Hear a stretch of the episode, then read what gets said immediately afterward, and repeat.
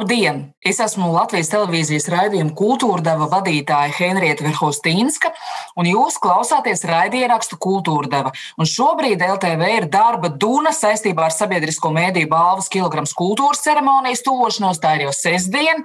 Un tāpēc es šodien sarunāšos ar savu kolēģi, Latvijas televīzijas kultūras raidījuma redakcijas vadītāju Ieva Rozentālu. Čau, Ieva! Čau, Henrieta! Čau! Izstāsti, no kurienes es esmu tevi izrāvusi. Es zinu, ka tu attālināti piedalies kādā ļoti īpašā starptautiskā pasākumā. Laikam šī ir viena no trakākajām nedēļām šajā gadā, varētu teikt, kurš nesen ir sācies tādēļ, ka man ir trīs mega pasākumi paralēli, un tas laikam īsti nav riktīgi. Tas ir par daudz. Un, tā tad ir kilograms, par kuru gan es mazāk varbūt tur konkrēti iesaistos, bet daudz domāju, un tāpat ir daudz sarunu par šo tēmu. Tad ir tā teikt, Berlīnes filmu tirgus, kas prasa īstenībā full-time job, ja, kas prasa pilnu laiku, lai varētu patiešām tam pieslēgties, saprast, kas tur notiek, iepazīties šiem cilvēkiem, runāt, attīstīt dažne dažādas idejas Un trešais manai meitai ir kāzas sestdiena, un tas ir uh, vienkārši sirdi tricinošas emocijas visu laiku. Un sarunas ar radiem, kas uh, arī izsaka savas domas par šo projektu. Un līdz ar to es vienkārši gaidu, ka šī nedēļa beigsies. Es ceru, ka tas uh, fināls būs tā kā salūts, tāds žilbinošs un brīnišķīgs. Gan, ķir, tā, tā kā ķirsis uz tortes.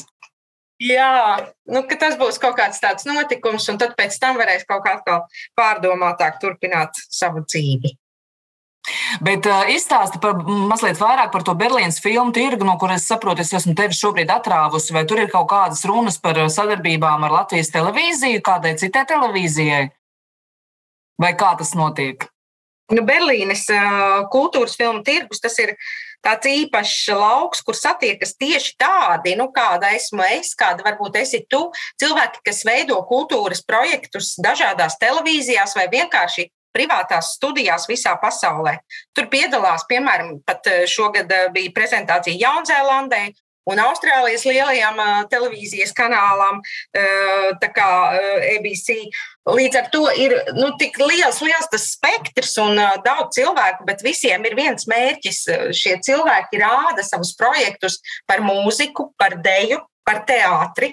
Un tas ietver gan portretu filmas, gan eh, popmūzikas, tur eh, grand koncertus, gan tādas eh, sirdī plosošas dokumentālas filmas par dažādiem māksliniekiem, viņu dzīvēm un vis, visslavenākiem māksliniekiem pasaulē, kādus mēs pazīstam.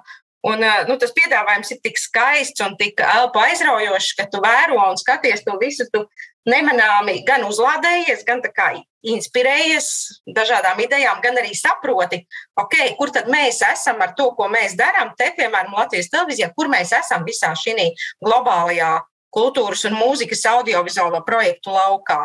Kas ir mūsu vieta, ko mēs varam? Nu, es sevi tā pielīdzinu, ka mēs esam tāda neliela studija, jā, salīdzinot jā. ar televīzijām.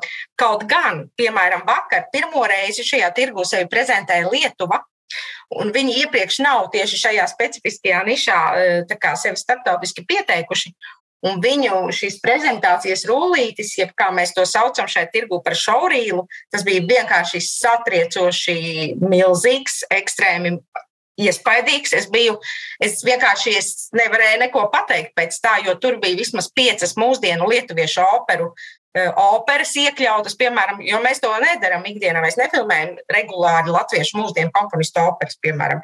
Tur bija arī mega pasākumi, nu, tur pop, rock, viss tur bija daudz, ļoti daudz. Es biju vienkārši pārsteigta, cik mūsu kaimiņi daudz dara. Nu, lūk, un sēžot šādi un tur piedaloties, tu to visu uzzini. Protams, mēs uzreiz satikāmies ar savu Lietuvas kolēģi, es viņiem piedāvāju uzreiz simbolisma filmu, ka viņiem vajadzētu to noteikti parādīt, un viņi izrādīja lielu interesi. Un tā mūsu saruna pozitīvā veidā noslēdzās. Protams, vēl arī daži citi uh, idejas par projektiem. Protams, lieki pieminēt, ka puse no tiem projektiem vai, vai lielākā daļa nekad arī beigās neīstenojas, bet kaut kāda procentuāla daļa īstenojas, un tā arī tas viss process ir svarīgs. Nu tā, vai mēs tā... arī kaut kā ļoti, ļoti iedvesmojoši tava runa, vai mēs arī kaut ko prezentējām šajā filmu tirgū? Jā, mums īstenībā ir ceturtdiena prezentācija, viņa vēl nav bijusi. ko es esmu sagatavojis, ierunājis. Mums ir pieci projekti, ar ko mēs ejam, jo mēs ejam tā saucamajā tādā mazajā laukā, mazajā projektu, nu, tā kā time slotā, jeb laika josliņā, jo mēs esam ne tik lieli. Un šie pieci projekti ir divi Rīgas jūrmalas milzu megakoncerti ar Andriu Nelsonu Vāgners operā un tad pie, pieviņas koncerts Marisam Jansonam ar Maris Jansonu festivālu orķestri un Sir Džonu Elietu Gardineru kas notika vasarā, tad mums ir šī simbolisma filma, ļoti, man liekas, cienījama, skaista par trīs Baltijas valstīm. Un, un tad nu, arī tas parāda to mūsu vietu, varbūt šajā mākslas kontekstā. Tad mums ir. Tā, tad mums ir tāda divi koncerti simboli. Tad mums ir Pētera Vaska jubilejas koncerts, 75 gadu jubilejas koncerts, kas notika aprīlī.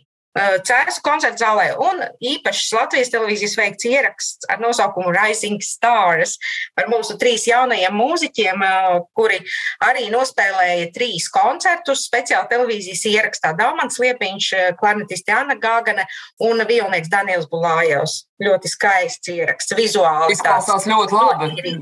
Jā, man liekas, ka ir cienījami, ir tīri, ir tā arī emocionāli, un kaut kā tas parāda arī to mūsu pieeju varbūt šīm kultūras lietām. Mēs esam ļoti korekti, intelektuāli, reizē tādi tīri, jo, piemēram, tu paskaties kaut kādus trakus itāļus, tur eh, prezentācijas, viss tur šauj un sprākst un notiek un krāsas un visi skrien un kulminācijas un du, du, du, du, viss tur. Tāds klipveidīga estētika, teiksim, tev, vai arī kaut kādas, nu, tiešām tādas lielākas kompānijas, viņi ļoti agresīvi nāk ar to vizuālo konceptu virsū. Mēs esam ļoti tādi maigi, es pat teiktu, nu, tajā kontekstā. Bet vispār, jā, šogad tirgus ir mājās pie, tele, pie datora. Tas, protams, nav tas, ja tu esi Berlīnā uz vietas, bet vienalga. Man liekas, ka var arī jūs šajā izvēlē, ka tu esi muzikoloģija, jo diezgan daudz ir muzikālu projektu. Jā, bet šis konkrētajā Van Premjera, viņš ir mūzikas projekts. Pirmkārt, tur ir mūzika, un tad tikai nāk teātris un, un dēļa ir daudz. Jo, jo īstenībā mūzika un dēļa tās jau ir ļoti vizuāli pateicīgas mākslas. Redz, teātris prasa valodas, tur ir tā valodas barjera, mūzikai jau tā nav. Un, kā mēs zinām, ja mēs skatāmies teiksim, televīzijas pasaules žanros, tad mūzika ir viena mega milzīga joma, kurai tiek veltīti nevis pat atsevišķi raidījumi vai teiksim, struktūrāli redakcijas, bet arī veseli kanāli. Mēs zinām, mums ir Meco TV un Artes kanāls, kas ir tikai kultūrai, tur ir vesels mūzikas bloki un cik vēl mums ir popmūzikas kanāli. Ja? Tā kā Ok, Latvijas televīzijā tā ir maza niša, kurā mums ir daži projekti, teiksim, tā maigi sakot, jā, kas vēl tur uh, ir pārsvarā ir vairāk pop un, un tādi, bet, uh, bet, protams, uh, tādās lielās valstīs tie ir pilnvērtīgi kanāli, kas strādā 24, 7. Un tad variet iedomāties, ka tur tiešām varbūt ir viss Wagner opera, Nībelungu cikls vai kaut kādi mega, mega ieraksti tiek veikti. Un, nu, protams, ka elpa aizraujas un gribētos, lai arī mēs varētu ar vienu vairāk un, un jaudīgāk attīstīt šo pusi, nu, bet tā, jā, mūsu apstākļos tā ir viena maza puse, teiksim tā. Nu, no ārzemēm pie mums, ieviņi, pie mums uz Latviju. Kilograms kultūras. Kāpēc vispār, tu varbūt vari atgādināt mūsu klausītājiem, kāpēc vispār vajadzīga šāda balva? Tu nepārproti, man ļoti patīk būt kilogramu žūrijā un lasīt grāmatas un apmeklēt izrādes un koncertus, bet starp tām daudzajām balvām, kas ir Latvijā, kur ir vieta mūsējai? Ne, nu, man liekas, ka Pājot šiem desmit gadiem, kas apritēja pagājušajā gadā, šogad ir 11. ja nešaubos, ja, kad mēs pasniedzam kilogramu kultūras, tad man liekas, ka kilograms ir tiešām iekarojis, ieguvis šo savu vietu kultūras mediju telpā. Un tā balva šobrīd ir pietiekami jaudīga, nozīmīga un tāda svarīga. Nu, tas nav tikai varbūt mana pašas lepnums, bet arī tad, kad es runāju ar daža, dažādiem cilvēkiem no dažādiem žanriem, viņi ļoti, ļoti, ļoti, ļoti ir pateicīgi vienmēr. Un tad ir tāda lepnuma sajūta. Jā, tiešām viņi ir pateicīgi, ka tāda balva ir. Protams, viņa ir neviennozīmīga, jo viņa apvieno šos dažādos žanrus, kuri katrs pats par sevi ir gana svarīgi, nozīmīgi un kuros ir daudz nianšu, jā, kā, kas eh, tur ir noticis gada laikā. Bet eh, tā kā tāda vienojoša, absolūta kultūras jomu pārskatoša balva šī šobrīd ir vienīgā. Jo mēs zinām, ka dienas balva tomēr ir šobrīd izdzisusi. Viņai vairs nav, viņa netiek pasniegta ceremonijās. Nu tā. Mēs, ar, mēs, arī, mēs arī zinām, ka šo, šo balvu, šīs balvas nominēšana notiek divās kārtās. Vispirms mēs žūrija atlasām tādus notikumus no ļoti lielā notikuma klāsta un piedāvājam četrus notikumus katrā vai piecus katrā. Katrā kategorijā, bet pēc tam jau to izvēle veids skatītājs un klausītājs.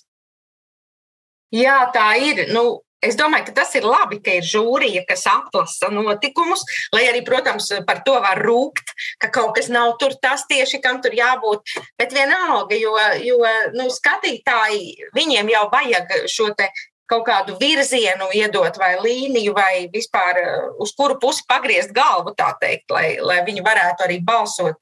Jo gaumas jau ir ārkārtīgi dažādas un ir uh, dažādi viedokļi un uzskati. Tādēļ tā es domāju, ka tā ideja, ka tā ir žūrijas eh, balva primāri, un pēc tam mēs ļaujam skatītājiem balsot, tā ir ļoti sakarīgs veids, kā tiešām kvalitatīvus pasākumus izvirzīt priekšplānā. Jo es domāju, ka skatītāji finālā pieliek ļoti savu būtisku attieksmi pret to, kas viņiem īsti ir svarīgs no šīs izlases, vai ne? Un, un tas, tas tad uzliek to punktu. Un man liekas, ka caur to, ka ir žūrija un pēc tam skatītāja tā balva vienkārši tādā kvalitatīvākā veidā tiek īstenot. Ja mēs atceramies dienas balvu, tur bija tikai žūrija, vai ne? Pamatā. Jā. Un līdz ar to viņa es uzskatītu, ka tā bija tomēr vēl krietni elitārāka. Mēs tomēr tiešām reāli strādājam ar auditoriju un, un cilvēkiem, un, un to arī mēģinām visādos veidos izpaust. Vai darbība ap kilogramu, nu, piemēram, mūsu žūrijas locekļu iknedēļas ieteikumi LSMLV vai, vai vispār pašas šīs nominācijas, vai tā var kalpot kā ceļvedis kultūrā? Domāju, savā ziņā noteikti. Es domāju, ka tā balva iezīmē tendences, kas ir katrā gadā un arī katrā šeit četru mēnešu periodā. Jo tad, ja ir ļoti daudz pasākumu, ir bieza nominācija ar tiešām izciliem, lieliskiem pasākumiem, tad, kad visu aizver ciet, mēs redzam uzreiz, ka tā nominācija ir tāda mazāka, bālāka, vai, piemēram, vispār nav pilni visi nominanti, ja ir tikai daži. Un tas uzreiz parāda arī to tendenci un to noskaņojumu. Un tāpat, ja mēs ejam cauri visam tam sarakstam, mēs jau uzreiz sajūtam, kas kurā brīdī ir bijis svarīgs. Vai tur ir vasarā tiešām uzziedējis Rīgas jūrmālas festivāls mūsu kultūra tāpā, vai tur ir, piemēram, visi e, noteiktā gada periodā lasījuši Kalnozola grāmatu, ja? vai sekojuši Grosvaldu sāgai.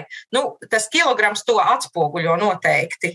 Es domāju, tur, e, kā mēs pašas arī žūrijā sēžot, zinām, tur nekas nav nejauši, viss ir pamatots. Vienkārši jautājums, kāda būs fināla izvēle no, no mūsu skatītājiem, klausītājiem. Latvijas televīzijas kultūras raidījuma redakcija. Kas tas ir, ko mēs ražojam? Mēs strādājam katru dienu. Katru dienu esam darbā vai attālināti vai klātienē. Kas ir tie galvenie pieturas punkti, ko Latvijas televīzija sniedz skatītājiem kultūras jomā? Traki, ka ir jāsaka, mēs ražojam, vai ne? Jo kādreizējā kādreiz diskusija par to, ka kultūra, mūzika, māksla, viņa neviens neražo, viņa, viņa tiek radīta. Mēs jau arī rādām šos projektus un, un tā, bet, bet tas ražošanas vārdiņš attiecas vairāk uz to, ka mēs strādājam ārkārtīgi regulāri. Nu, tas nav tā, ka vienu dienu mēs kaut ko darām, un tad mēs vienkārši kaut ko fantazējam. Nē, mums ir tiešām, kā saka, ikdienas darbs no rīta līdz vakaram. Cilvēki nāk un veido raidījumus. Un, uh, tas rada tādu zināmu ražošanas efektu un sistēmu, kādā mēs strādājam. Nu, un, protams, ka mums šobrīd ir vairāki tādi projekti, kas iet cauri visam gadam, un ko cilvēki jau pazīst. Tas ir tavs raidījums, kultūra deva, kur, kurš ir tomēr tāds nedēļas, varētu teikt, apskats savā ziņā, kas iedod to aktuālo. Tad ir kultūras ziņas, ko es vienmēr saucu par redakcijas mugurkaulu, jo viņas katru dienu pulsē, pulsē un stāsta, kas notiek visapkārt. Un tad, protams, ir vēl daudz atsevišķu skaistu projektu. Piemēram, nu, protams, lecīgais projekts Kultūras šoks, kurš atļaujas kritizēt nesaudzīgi. Nu, jau man liekas, sabiedrība beidzot pie tā pieradusi sākumā. Patiešām visi bija ļoti dusmīgi, kāpēc mēs tā darām. Bet šobrīd cilvēki to novērtē un saprot, ka ir jārunā arī par tām problēmām. Mēs tomēr daudz ko arī esam izglābuši vai ne kultūras jomā, vai pavirzījuši dažus procesus, vai pamainījuši virzienu. Un es tagad neminēšu, ko un kā, bet tas tiešām ir bijis ļoti būtiski. Nu, tā, tā kā tie ir tie pamatprojekti. Protams, vēl jau ir... mums ir, mums jau vēl ir brīnišķīgais Lilijas Eglītes autora raidījums ielas garumā, un vēl ir teātris ZIP, kas ir tāds specifisks teātris raidījums, pateicoties Tetereo fondam. Tieši tā, un teātris ZIP ir arī, nu, tas ir tā kā noteiktā, nu, noteiktos brīžos kad mēs rādām šīs izrādes sezonas laikā, un tajā brīdī, kad teātris zipīja, tad viņš ir viens, viņš ir uzreiz izvirzās kā viens no centrālajiem kultūras projektiem, jo viņš ir liels, tur ir visas šīs te aktuālās teātris izrādes, vai arī jau agrāk iestudētas, bet tas ir tiešām ļoti, ļoti nozīmīgi. Bet mums jau ir arī vismaz divreiz sezonā kino raidījums speciāls, arī cikliskais kino raidījums, kas atspoguļo filmu nozarē notiekošo, tā kā, nu, diezgan, diezgan daudz, kas, jā, paralēli tiek veidots. Bet bez raidījumiem jau mēs taisām arī filmas. Es gribu ieviņot, lai to ar to palielies mazliet.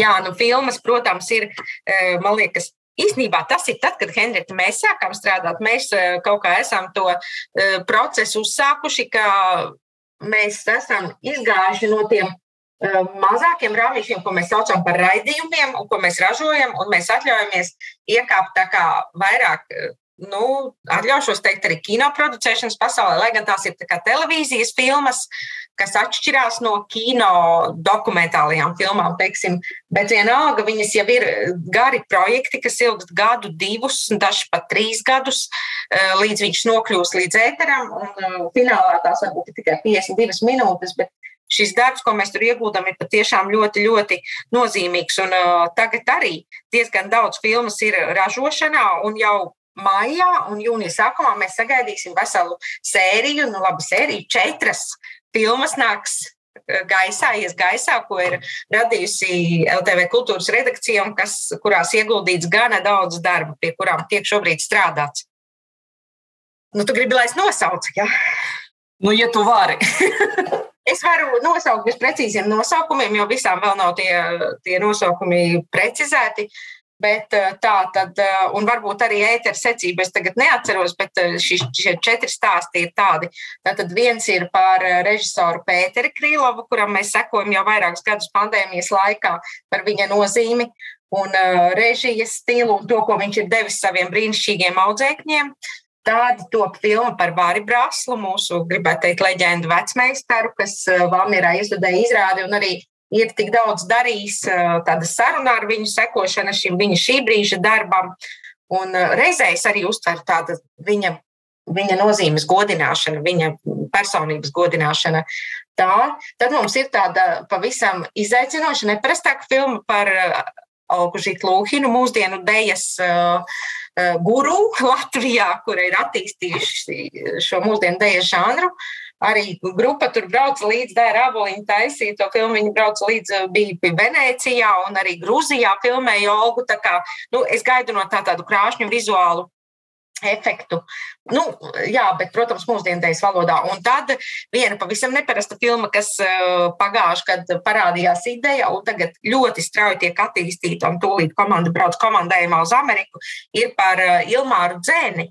Eh, kādreizēji Čikāgas piecīša Ilmāra Dzeņa mūzika, viņa dziesmas eh, atmoda eh, Amerika, viss tur savijies kopā, un, un grupai būs, cerams, iespēja visam tūlīt viņi brauc uz to Ameriku, satikt Ilmāru Dzeni, viņam ir 90, jā, un viņš iet uz fitnesa klubu joprojām. un vismaz vairāk, man, man teica, trīs reizes nedēļā, es nezinu, precizēsim. Un, uh, viņš ir kā, nu, jā, mums uh, kaut ko tiešām nozīmē, un tas būtu super, ja mēs viņu varam vēl tur satikt un ar viņu runāt un, un ieteikt visu šo stāstu, viņa dzīvi un to, ko viņš darīs, un mūziku vienā dokumentālā filmā. Šādas četras būs mājā. Brīniš, brīnišķīgi izklausās ļoti labi. Man ir prieks, ka es vienā no tām arī līdzdarbojos pati, proti, filmā par Vāru Braslu. Un, jā, tas ir stāsts par to, kā viņš mēģina savu pēdējo izrādi Valmieras teātrī. Jā. Un, Bet tu esi ne tikai LTV kultūras priekšniecība, tu esi arī muzikoloģija un turklāt darbojies vairāku ar mūziku saistītu balvu žūrijās, un uh, zelta mikrofonu žūrijā un lielās mūzikas gada balvu žūrijā. Un tu noteikti apmeklē ļoti daudz muzikālu pasākumu. Vai ir kaut kas, kas ir pēdējā laikā tevi pārsteidzis?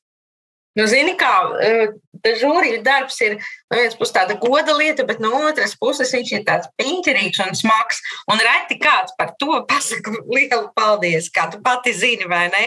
Jo, jo žūrijai ir jābūt kritiskai, un tur ir izvērtēšana, un saduras intereses, un tādēļ tas nav tik patīkami citreiz. Bet nu, tā ir kaut kā, es to uztveru, ka tā ir mana vieta, mēģināt salīmeņot dažādas uh, idejas mūzikā un uh, varbūt tai kultūras uh, pasaulē, un uh, tad kaut kā saprast, kura varbūt šajā vai citā brīdī ir vērtīgāka un, un uh, kurai ir vērts sekot. Bet es tagad neesmu nekur gājis, tāpēc, ka es muzikas balvas žūrijā šogad nebūšu. Es biju trīs gadus, un tur ir tāds trīs gadu periods, un pēc tam ir, uh, tu vairs nevari būt kā, ilgāk kā trīs mm. gadus, tikai varbūt pēc kāda laika. Un, bet mūzikas ierakstu gada, balvas žūrijā es biju arī, jā. Nu, tādēļ es šobrīd janvārī izmantoju iespēju neiet tik regulāri uz koncertiem. jo trīs gadus visu laiku steigties vakaros kaut kur. Nu, iestājas, diemžēl, tāds uh, nogurumiņš vienā brīdī. Un tagad, sakarā ar pandēmiju un tādu mierīgāku, varbūt plūsmu, es tiešām pēdējā laikā nekur neesmu bijusi, atzīšos. Tā, bet, nu, jā, nu, īstenībā Ko lai saka par to koncertu dzīvi? Nē, nu tagad varbūt neko. Šito var izkriest. Kā tu droši vien zini, mūsu pēdējā kultūra devā viesojās komponists Valts Pūci kopā ar savu dēlu čelistu un komponistu Valteru Pūci. Un Valtam šomēnes ir 60 gadu jubileja, un viņa radošās darbības uzplaukums sākās ar brīnišķīgu ansambli Mārana, kuru darbību viņš grasās atjaunot savā jubilejas gadā. Un lūk, ko par Maranu kultūra devā saka pats valsts pūce.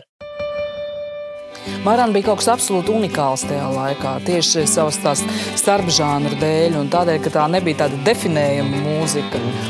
Tas, to nevar ierindot ne akadēmiskajā mūzikā, ne popmūzikā, ne tautas mūzikā. Kurš no šiem visiem virzieniem kā, tomēr prevalēja? Es te biju aizgājis uz radio klasiku, ja, un tad tur arī par šito mēs runājam. Es dzirdēju benefici. Jā, jā, un, un tad, tad, tad man tāda faktiski beidzot apskaidrība uznāca. Tas Marāns, viņš jau nav Viņu nevajag uh, nodefinēt kā mūzikas virzienu. Tas ir koncepts. Koncepts, uh, kurš sastāv no diviem, varbūt tādiem uh, divām lietām - bezaizspriedumaina attieksme pret muziku. Nav no svarīgi, vai, vai tur tā vai šā, vai vienalga. Un tam klāt pievienojot tikpat bezaizspriedumainu attieksmi pret teatrālismu vai kaut ko tamlīdzīgu. Man ļoti patīk Valta teiktais, ka Marana ir koncepts. Un, uh, varbūt tu vari kaut ko piebilst, varbūt ar tevi ar kaut ko saistās Marana.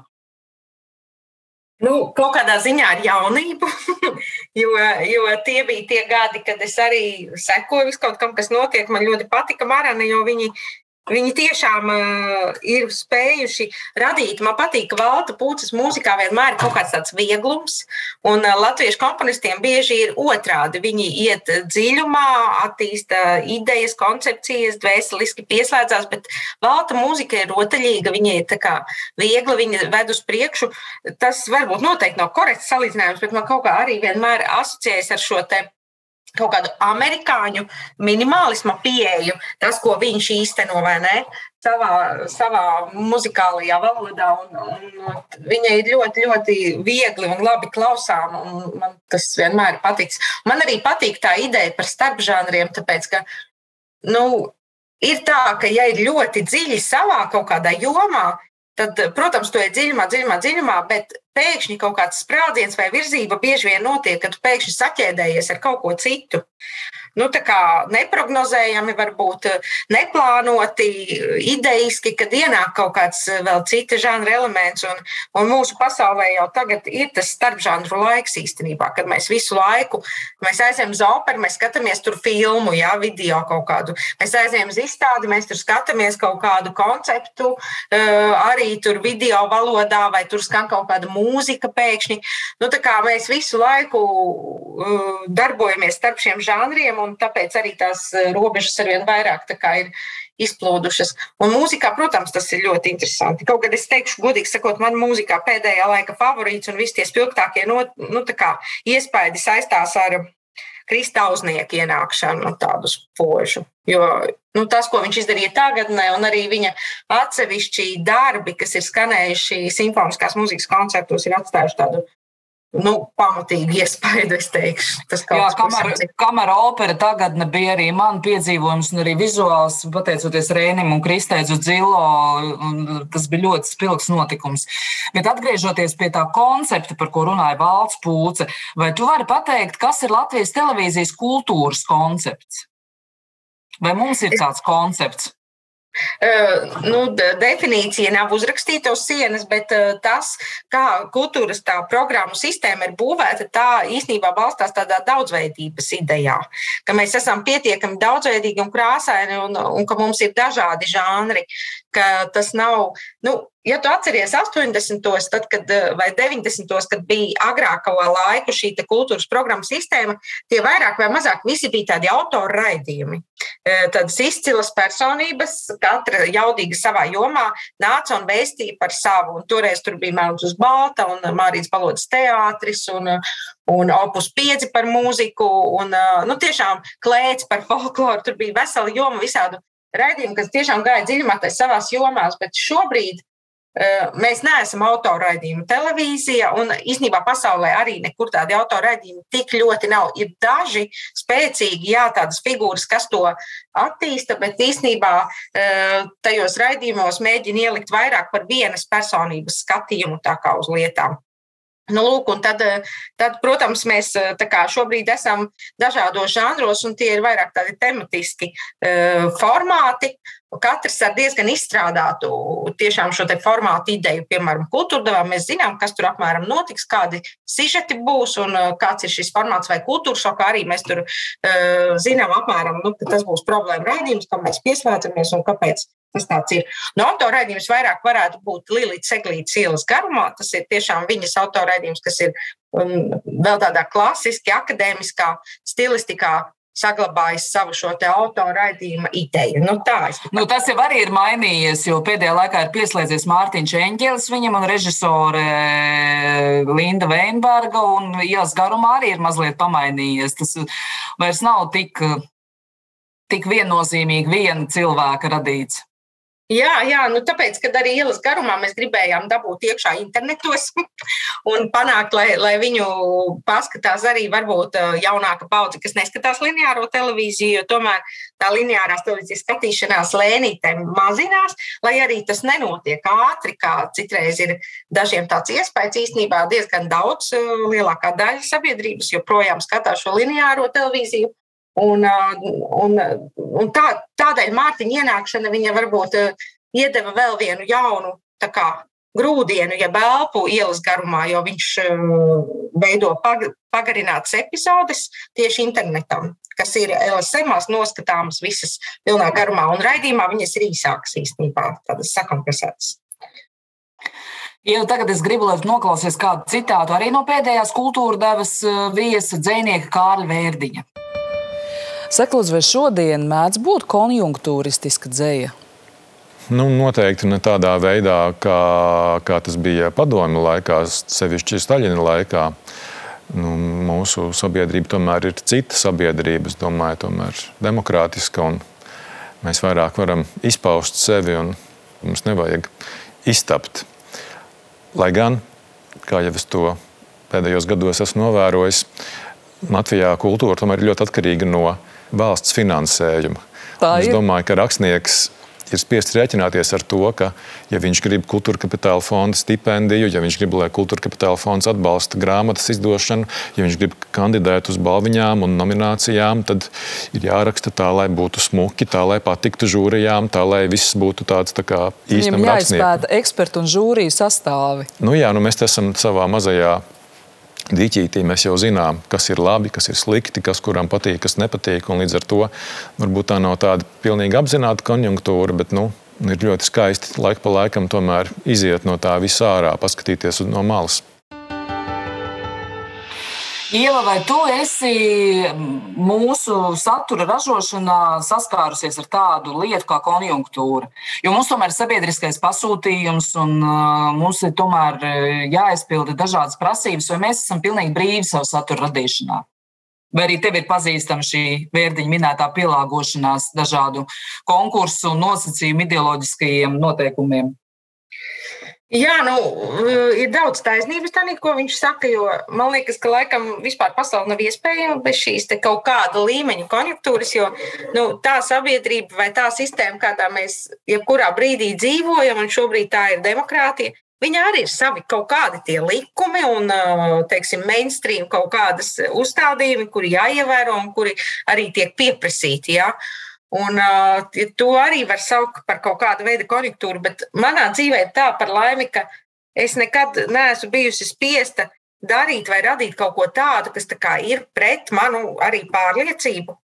Un, teiksim, ja, ja ir saruna par to, ka mums vajadzētu dažādot, es nezinu, atļaut minoritātēm, jeb tautībām, mazākuma tautībām parādīties raidījumā, ok, mēs varam uzskatīt eh, tādu prasību, vai tā ir konjunktūra, bet es uzskatu, ka tas tiešām ir noderīgi, ka tā vajadzētu.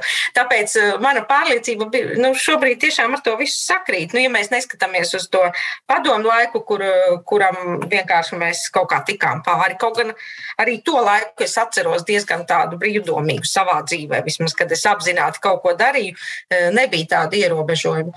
Bet, eh, kā lai saka, nu, es vairāk teiktu, ka ir tādi kā trendi bieži vien, tīpaši kultūras jomā, kam visi seko. Un varbūt dažkārt arī eh, šī vadošā kultūras elite arī dažkārt akli seko. Nu, ir kaut kādas lietas, mēs tagad sekojam, es nezinu, tur par, par vērdiņu neko neteikšu. Man viens no mīļākajiem dzēniekiem, un gluži kā tāpat kā tev viņa eh, grāmatiņa, arī ļoti, ļoti patika un atstāja lielu iespaidu. Bet man liekas, ka, nu, piemēram, ja visi, ja ir tāds trends, ka visi raksta tajā baltajā pantā, nu, tad vienkārši tas notiek, un visi arī raksta, vai ne? Un uh, tad atkal parādās kāds pavisam cits, kas visu to ap, apvērš kājām gaisā un sākas citas noskaņas un cits stils. Vispār tas ir grūts jautājums, ko tu uzdod. Es par to domāju. Es domāju, nu, kur, kur viņa parādās. Nu, kaut kādā līmenī jau droši vien parādās arī tādos vadības uzstādījumos, kaut kāda var būt. Bet eh, es to neizjūtu kā problēmu. Šobrīd vispār es neredzu to, ka mēs tādā veidā darbotos. Sarunā ar Kārlu Vērģiņu mēs pieskārāmies vēl kādai tēmai, klausāmies. Dzēja mūsdienās var kļūt arī par laikmatīgās mākslas objektu. Un tavs dzējos ir nokļuvis arī Konstantīna Žukova uh, izstādē galerijā ISSP par melno neļķi. Tātad uh, izstāde par uh, kvīru kultūru, un uh, tas ir bijis arī tavs pētniecības objekts, tieši kvīru dzēja. Dzimtas un seksualitātes jautājumiem ir lielā mērā veltīta arī mana disertācija, pie kuras es pašlaik strādāju. Vašingtona universitātē. Vašingtona universitātē. Tā kā jā, šīs tēmas ir aktuāls joprojām man. Kā tev šķiet, vai šī tēma šobrīd, kad tiek uh, apspriests uh, civilās savienības likums, uh, vai tā ir īpaši aktuāla Latvijas sabiedrībā? Nu, jā, šī tēma būs aktuāla kamēr, eh, kamēr arī Latvijā cilvēki baudīs tās pašas tiesības, eh, kādas bauda Rietumē, Eiropā, un kad vienkārši mēs tuvosimies šai izpratnē par to, kas ir cilvēka tiesības, cilvēka brīvība, cilvēka cieņa, un attiecīgi arī izturēsimies pret dažādām sabiedrības grupām. Mēs zinām, jau, ka civilo attiecību regulēšana vienzimumu pāros ir karstais kartupelis absolūti. Kāda ir tava nostāja šajā jautājumā, un vai šai tēmai ir jāatspoguļojas arī Latvijas televīzijas kultūras raidījumos? Jā, es domāju, ka Es domāju, ka par likumdošanu mēs tik daudz nediskutējam, kā kultūras raidījumos, izņemot vienīgi kultūras šokā. Bet mana pārliecība ir tāda, ka tam noteikti ir vērts, jā, tas ir jāatspoguļo un ka kaut kā tā, tā lieta ir jāvirzās uz priekšu. Man gribas ticēt, ka mēs jau diezgan tālu esam tikuši, ka ja šis likumprojekts tiks, nu kā, ja viss notiks, tad jau arī Latvijā cilvēki varēs justies daudz brīvāk, nekā tas ir bijis uh, līdz, līdz šim. Jo īstenībā, protams, nu, nu, mēs ceļojam, vai ne? Un mēs kaut kur aizbraucam, un uh, mēs jau jūtam, ka tā brīvības uh, sajūta, ja brīvības līmenis citās valstīs ir augstāks. Ka cilvēki uh, neslēpj savas jūtas tik daudz, viņi varbūt ir daudz drosmīgāki uh, šādā, nu, teiksim, personīgo attiecību izrādīšanā. Šeit Latvijā mēs esam ļoti asketiski, atturīgi, kas arī varbūt nav slikti, bet uh, tomēr es negribētu, ka cilvēki tiek kaut kādā veidā diskriminēti un apspiesti tikai tādēļ, ka viņiem ir teiksim, citi uzskati vai atšķirīga seksuāla orientācija no, no, teiksim, no kaimiņa vai ne. Es domāju, ka tā vispār nevar būt. Nedrīkst būt problēma valstī. Vienkārši katrs drīkst dzīvot tā, kā viņš vēlas, tā kā viņš jūt, kā viņš grib. Un, un katram pārim ir tiesības galu galā būt pārim. Kā, kādēļ gan ne? ne? Nu, tu jau principā man esi atbildējis uz manu nākamo jautājumu, jo es gribēju tev vaicāt, vai tu pati sev vairāk izjūti kā liberālu vai kā konservatīvu cilvēku? Nu, uh, Jā, nu es sevi izjūtu kā liberālu cilvēku. Varbūt no malas izskatos konservatīva, tādēļ, ka dzīve manī sakārtojas, ielikus tādā rāmī.